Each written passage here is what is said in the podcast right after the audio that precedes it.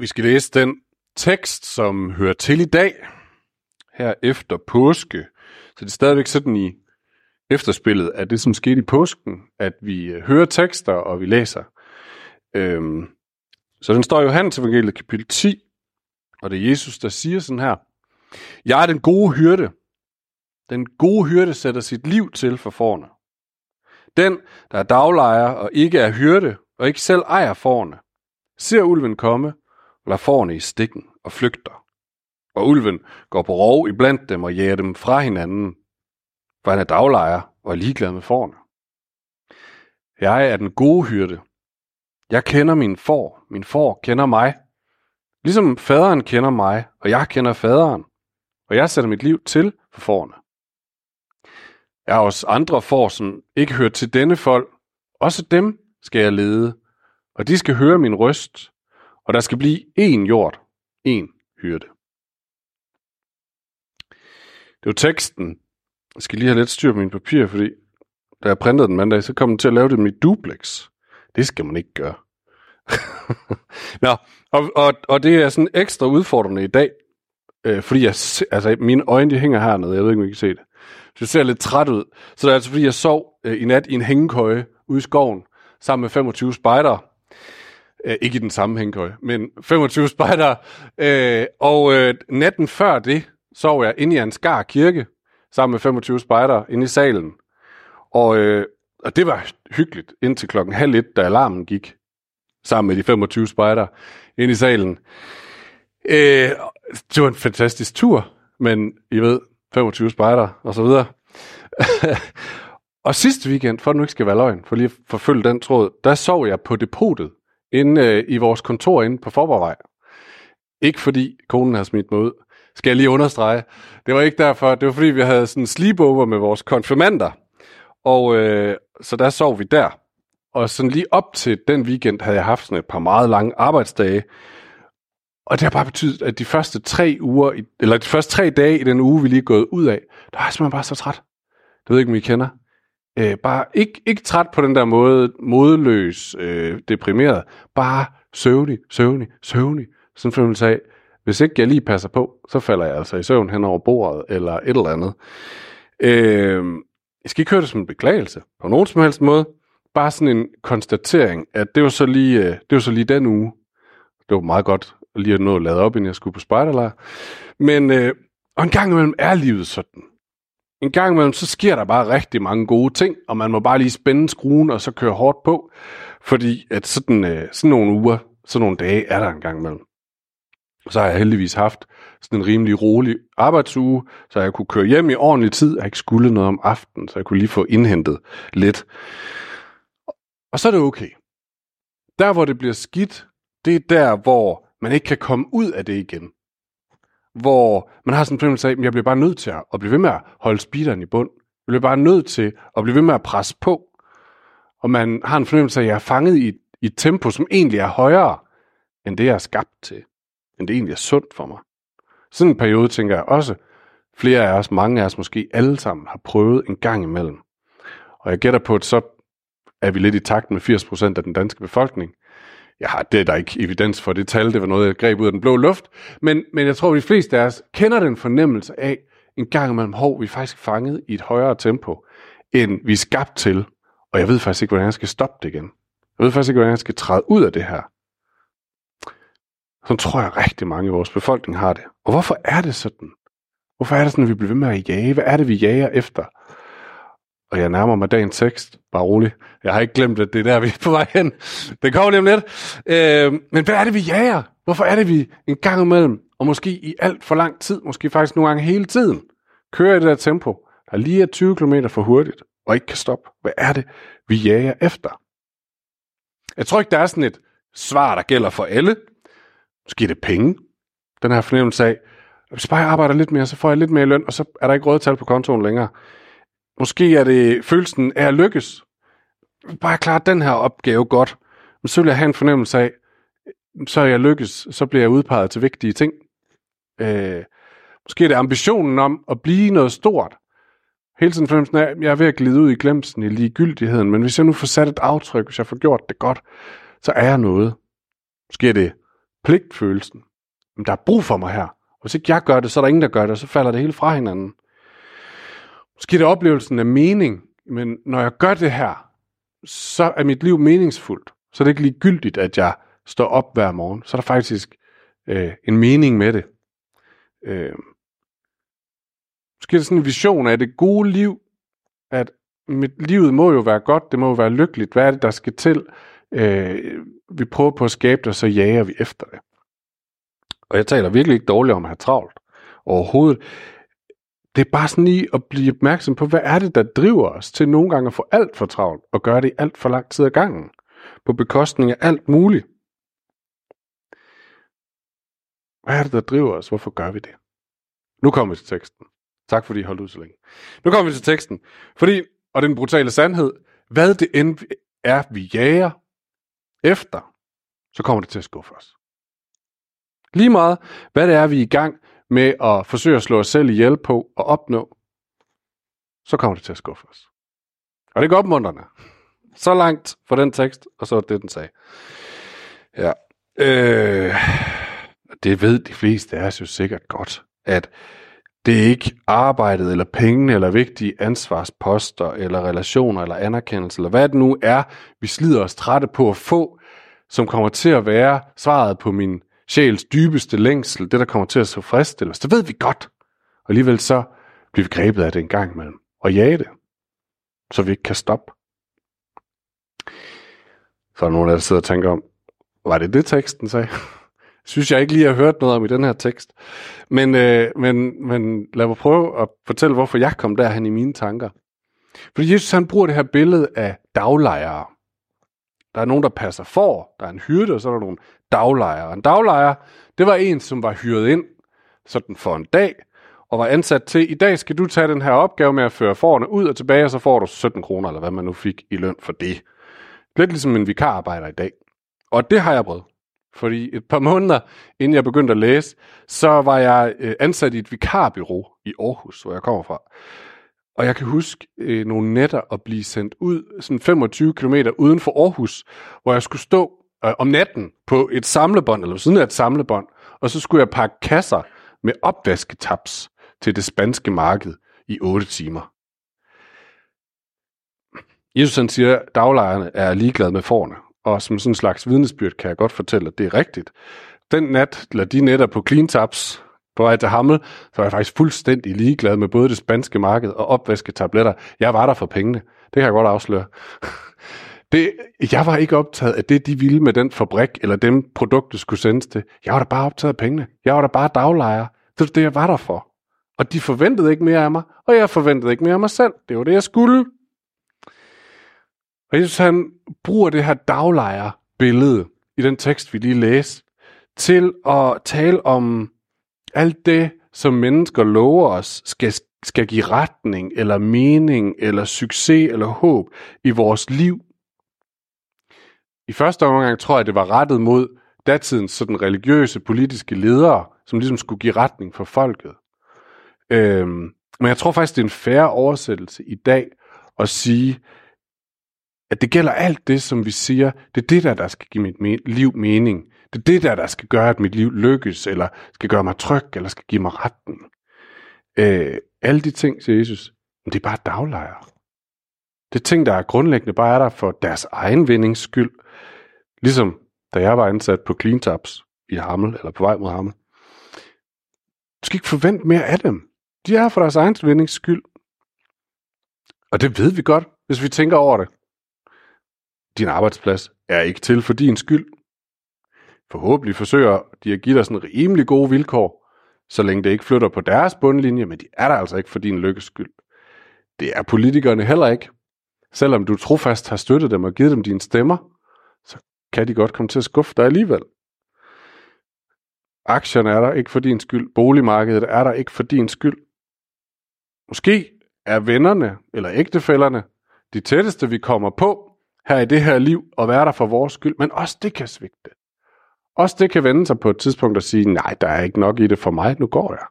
Det bliver for tungt, det her for mig. Selv kirkefamilien kan svigte en gang imellem. Alt, siger Jesus, er daglejere.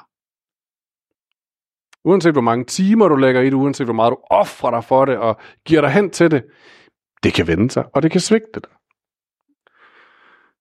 Ja. Jeg ved ikke, om I lagde mærke til det i den tekst som fra Ezekiels bog, som Gert læste op lige før, og som, øh, som er den, Jesus refererer til, da han siger, jeg er den gode hyrde. Den handler om Gud som hyrde, og så skælder Gud helt vildt ud på de her daglejere og giver dem virkelig en røffel for ikke at passe deres job godt nok. Og gang er der måske også grund til, at vi skal stoppe op og lige øh, skælde ud over for arbejdspladser, eller venner, eller ægtefæller, eller kirkefamilien og sige, I gør det simpelthen ikke godt nok. Men det er sjovt, i den tekst, som vi lige har læst fra Jesus, der virker det ikke, som om han giver så meget tid til de der daglejere. Det er ikke sådan, at han stopper op og siger, I burde tage jer sammen og tage jer af mit folk. Nej, han ligesom bare konstaterer, det er sådan, det er med daglejere. De er der for deres egen skyld, og sådan er de. Hvad kan man forvente? Det er bare sådan et meget nøgternt billede, at alt det, vi er så optaget af, han siger, ja ja, det er bare daglejre. Forvent ikke mere. Og så efterlader han os hængende der og siger, Nå, men hvad så? Jo, siger han, jeg har et alternativ. Jeg har noget andet end daglejerne. Jeg har noget, som kan noget andet, og som vil noget andet. Noget, som har en anden motivation i sig, som ikke bare er rettet mod sig selv. Og hvad er de? Så søndagsskolesvar, der kommer her, jamen det er ham selv. Det er ham selv. Jeg er ikke daglejer, siger han. Modsat alt andet, så er jeg ikke daglejer. Jeg er her ikke for min egen vindings skyld, for jeg er den gode hyrde. Jeg er den gode hyrde, og den gode hyrde sætter sit liv til for forerne. Alt andet, alle daglejerne, alt andet i vores liv, kræver vores fulde commitment i en grad, så det næsten slår os ihjel. Det ved vi godt. Bare lige mærke efter. Vi kan altid give lidt mere. Og for det siger Jesus, men jeg er klar til at blive slået ihjel for dig.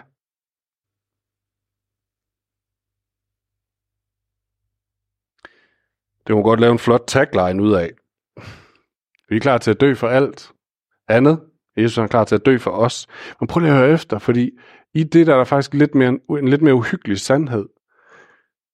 Fordi vi er vidderligt en gang man ved at sætte vores helbred, vores ægteskab, vores relationer, vores børn, vores egen tro på spil for den der vision af, hvordan vi kan nå at blive til noget, hvordan vi kan finde mening, lykke, tryghed, håb et eller andet sted, og for at sætte det på spidsen, på spidsen vi er klar til at dø for det. For alt det, som Jesus kalder daglejre. Klar til at smadre vores liv og vores familie for det. Og Jesus han vender den sætning på, så siger han, jeg er klar til at dø for dig.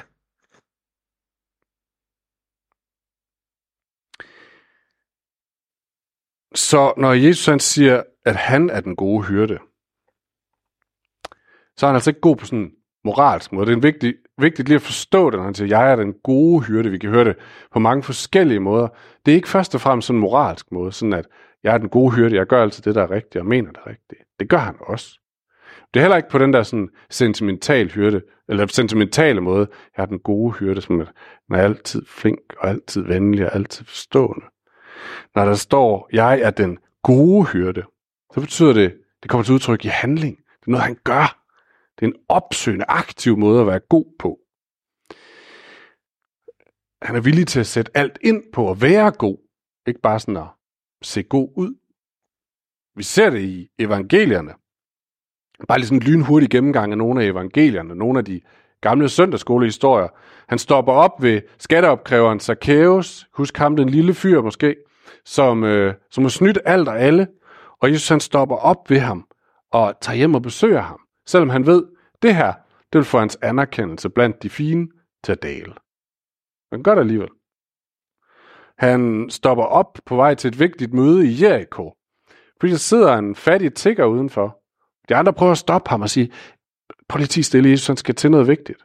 Og Jesus siger, hej, jeg dropper lige det vigtige for at gå hen til ham tiggeren. Han er god på en meget aktiv, handlende måde. Han stopper op øh, og helbreder en mand med en handicappet arm. Også selvom han ved, at hele eliten står og kigger på ham, og han gør det på en sabbat, hvor man ikke må gøre noget som helst på det tidspunkt, så gør han det alligevel, selvom han ved, de vil hænge ham ud for det bagefter. Og i det hele taget, så er der rigtig mange af de mennesker, Jesus han bruger det meste af sin tid med, som han har været ude at hente steder, hvor ingen almindelige mennesker vil ses. Og han er gået derud alligevel. Så han er god på sådan en handlende måde. Han gør noget, han opsøger. Han er på vej ud. Det koster ham noget. Det koster ikke vores job eller alle andre daglejere noget. Det er os, der betaler. Men han er altid den, der betaler. Han er altid på vej ud for at lede. Jesus han gentager jo, som vi læste to gange i det her afsnit, at jeg sætter mit liv til for forerne. Jeg sætter mit liv til for forerne. Faktisk er det ikke en specielt god måde at være hyrde på. Det er faktisk ikke nogen stor kvalitet for en hyrde på det tidspunkt. Det er bare dumt. Forestil jer, den der hyrde, som ser ulven nærme sig, kommer ulven der, og så løber han ud og kaster sig hen foran ulven. Hvad gør ulven, når den har spist hyrden? Jamen, så går den hen til fåret. Og hyrde, får er dumme, så de står bare stille og kigger. Det ved vi fra Vestjylland og ulveangreb. Fåren, de står bare og venter på at se, hvad der sker. Så var det jo lidt spildt, at hyrden kastede sig ud der. Så det her billede af den gode hyrde som en, der sætter sit liv til for foran, er faktisk ikke specielt god sådan hyrdeetik. Det er bare dumt. Og alligevel så bruger Jesus det to gange, siger, jeg sætter mit liv til for foran. Ikke fordi han er dum. Ikke fordi han bare gerne vil overdrive eller smøre tyk på, ja, jeg er endnu bedre, ja, jeg er klar til at dø. Men fordi, at han i den her situation ved, at hvis ulvene, hvem er ulvene? Døden, ondskaben, Guds modstander, hvis de kan få ham, så vil de på en eller anden måde ikke længere være i stand til at nå forerne. Sådan er det ikke i virkeligheden, men sådan er det her hos Jesus. Så vil forerne være i sikkerhed. Jesus han ved, at i den her verden er der onde magter. Gud har en modstander, som gør alt, hvad han kan for at sluge os ind i mørket. Og det tragiske er, at vi hver eneste dag giver ham lov. Vi vælger ham til med vores egoisme eller vores selvoptagethed. Og han har allerede vores, sine tænder i vores nakke. Det kan vi mærke en gang imellem. Han er ved at slippe af med os. Men Jesus han ved, hvis han kaster sig ind i den her kamp, så er det tænderne, der lukker sig ikke om vores nakke, men om hans strube. Og så er det os, der får lov til at gå væk derfra. Det er det, vi lige har fejret i påsken. Det er det, vi fejrede igen, da vi holdt nadver sammen.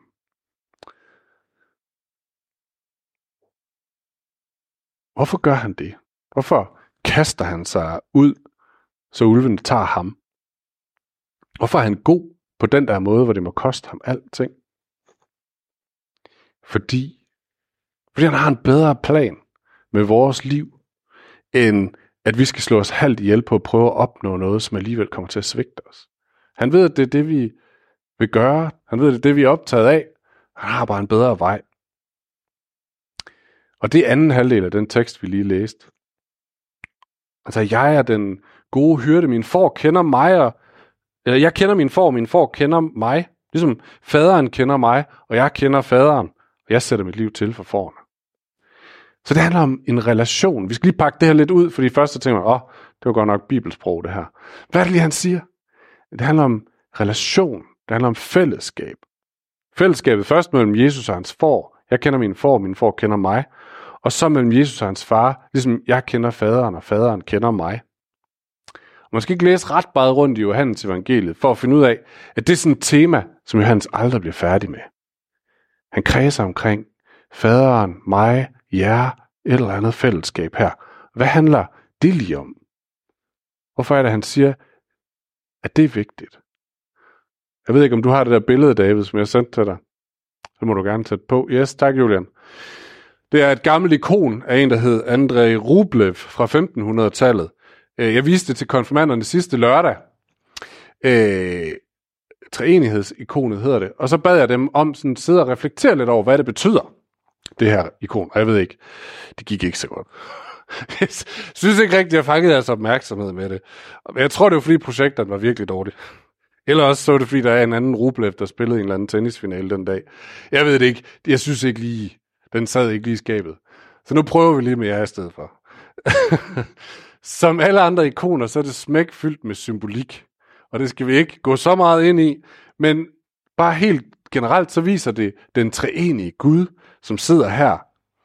Og Rublevs pointe er, Gud, vi skal prøve at afbillede Gud, Gud er i sig selv et fællesskab. Gud er det perfekte fællesskab, siger man om det her ikon. Øhm, og det er også derfor, når, når Johannes han i et af sine breve siger, Gud er kærlighed. Den sætning kan vi alle sammen lide. Den bliver nævnt igen og igen. Gud er kærlighed. Men det, der er vigtigt at huske, det er, at Gud kan jo kun være kærlighed, hvis han også samtidig er et fællesskab. Fordi at være kærlighed og ikke have nogen at elske, det giver ingen mening. Men fordi Gud i sig selv er et fællesskab mellem tre øh, individer, eller tre personer i Gud, så, så er han allerede kærlighed. Og det er det, som Rublev forsøger at illustrere her. At Gud, hvad er Gud? Vi kan gå mange, mange veje til det spørgsmål. Men Rublev forsøger at sige, at Gud er et fællesskab af ånden, som elsker faderen, men bøjer sig for faderen. Sønnen, som elsker faderen, men bøjer sig for faderen. Faderen, som elsker de to andre, og også bøjer sig mod dem.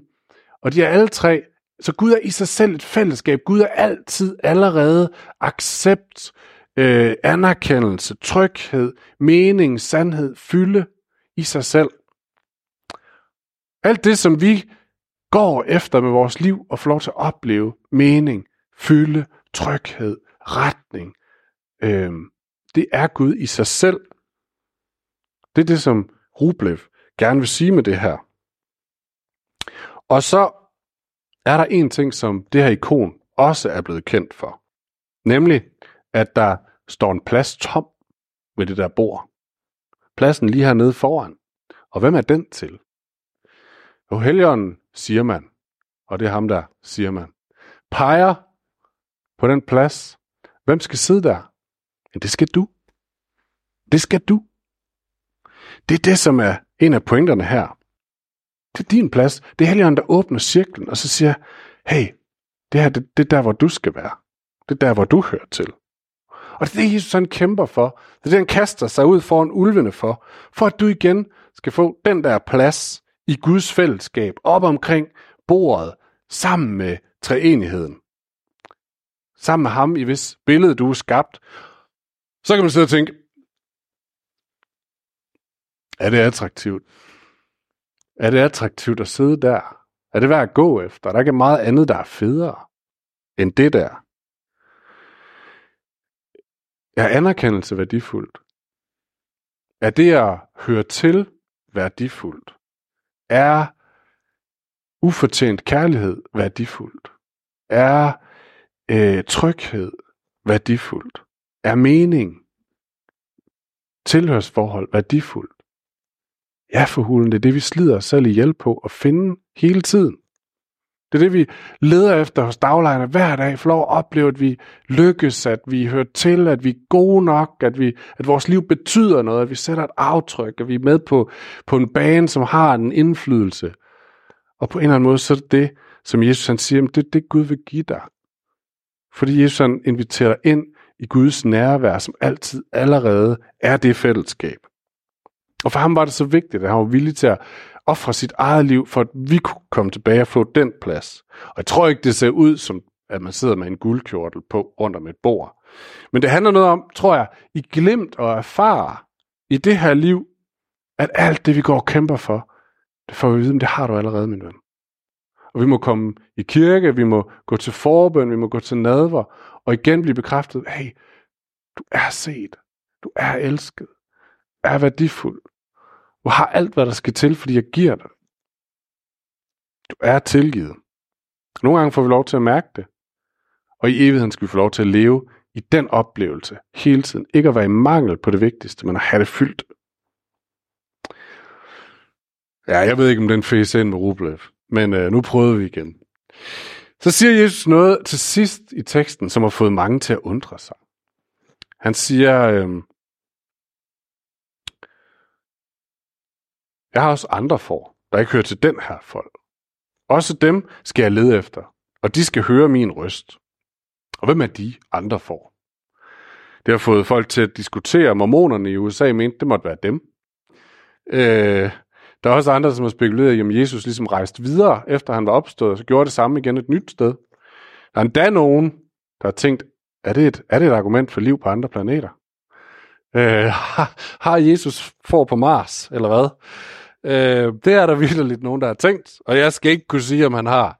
Men jeg tror, svaret er mere simpelt her end det. For jeg tror, når Jesus snakker om, at andre får, så er det også, han snakker. For han talte til jøderne og sagde, der er den her flok. Jeg har faktisk også flere.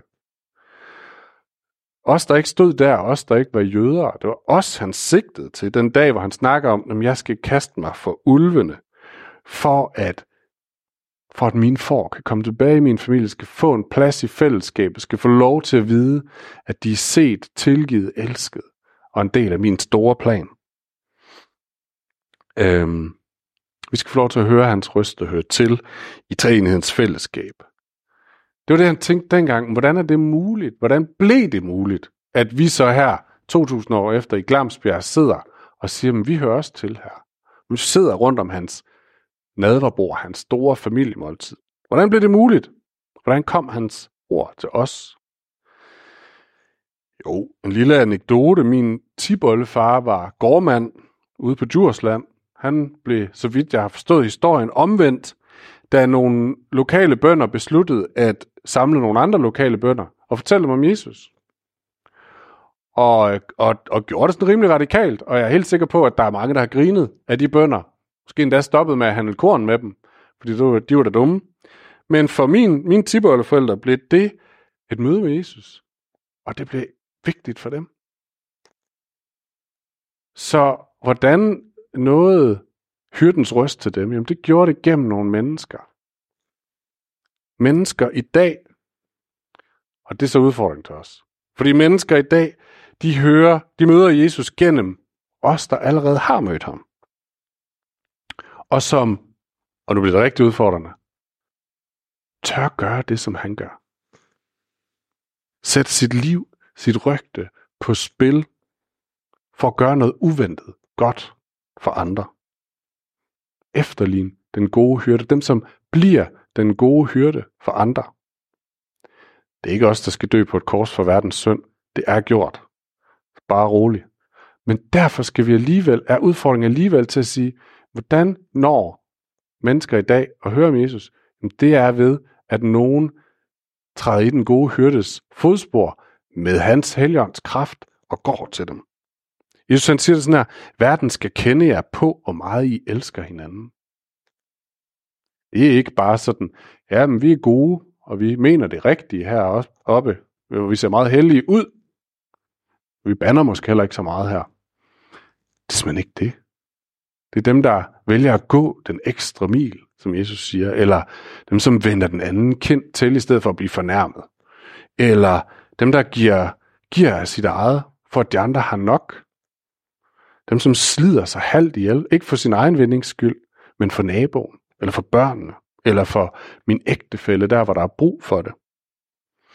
Paulus han siger det også helt vildt udfordrende i Galaterbrevet. Han siger sådan her, lad os ikke blive trætte af at gøre det, som er ret. Vi skal til sin tid høste, blot vi ikke giver op.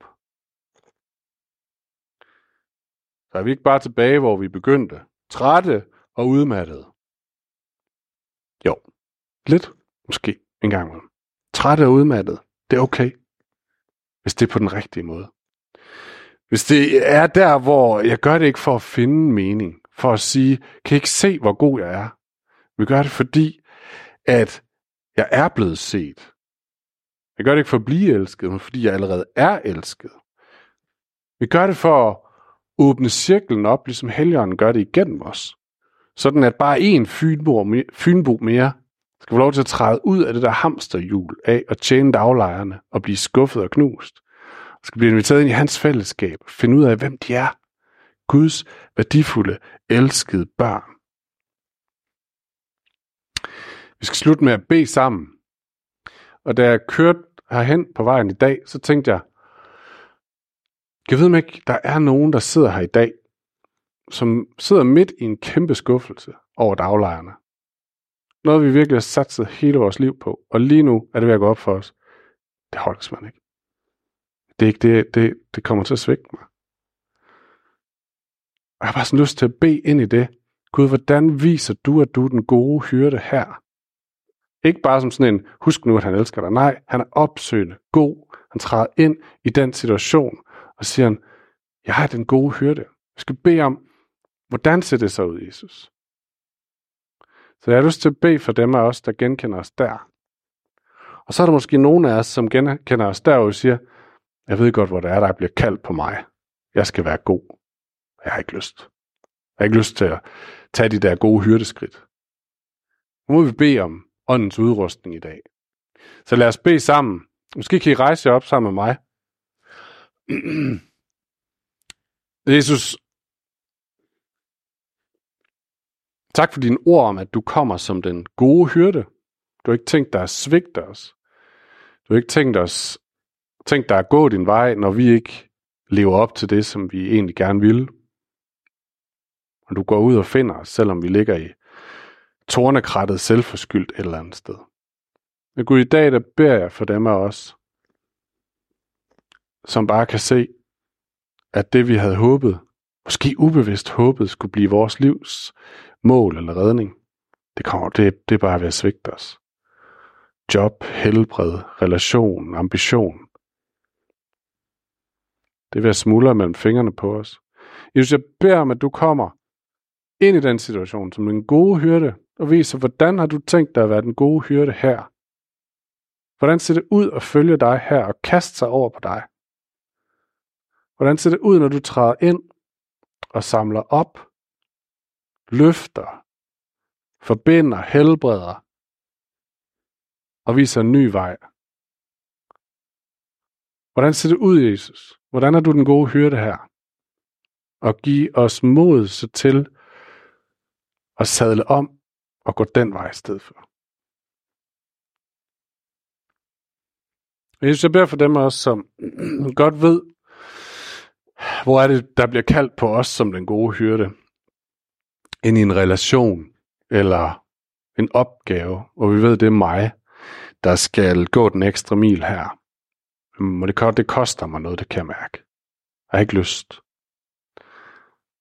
Jesus, der hvor det er dig, der kalder, så giv os villighed til at gøre det, der er ret, og ikke give op, og til at blive ved. Men giv os også kraft, for vi har brug for din helligånds kraft, så det ikke bare bliver vores halvhjertede forsøg. Så blæs din ånd i os igen. Og Jesus, må vi med vores liv og med det her fællesskab være med til at åbne cirklen til Glamsbjerg, til Vestfyn. Sådan at flere må opdage, at hos dig hos den gode hyrde, der er meningen, der er håbet, der er frelsen. Og det bliver til velsignelse og forvandling for mennesker, for familier og for hele Vestfyn. Jesus, det beder vi om, så du får æren og i din kraft. Amen.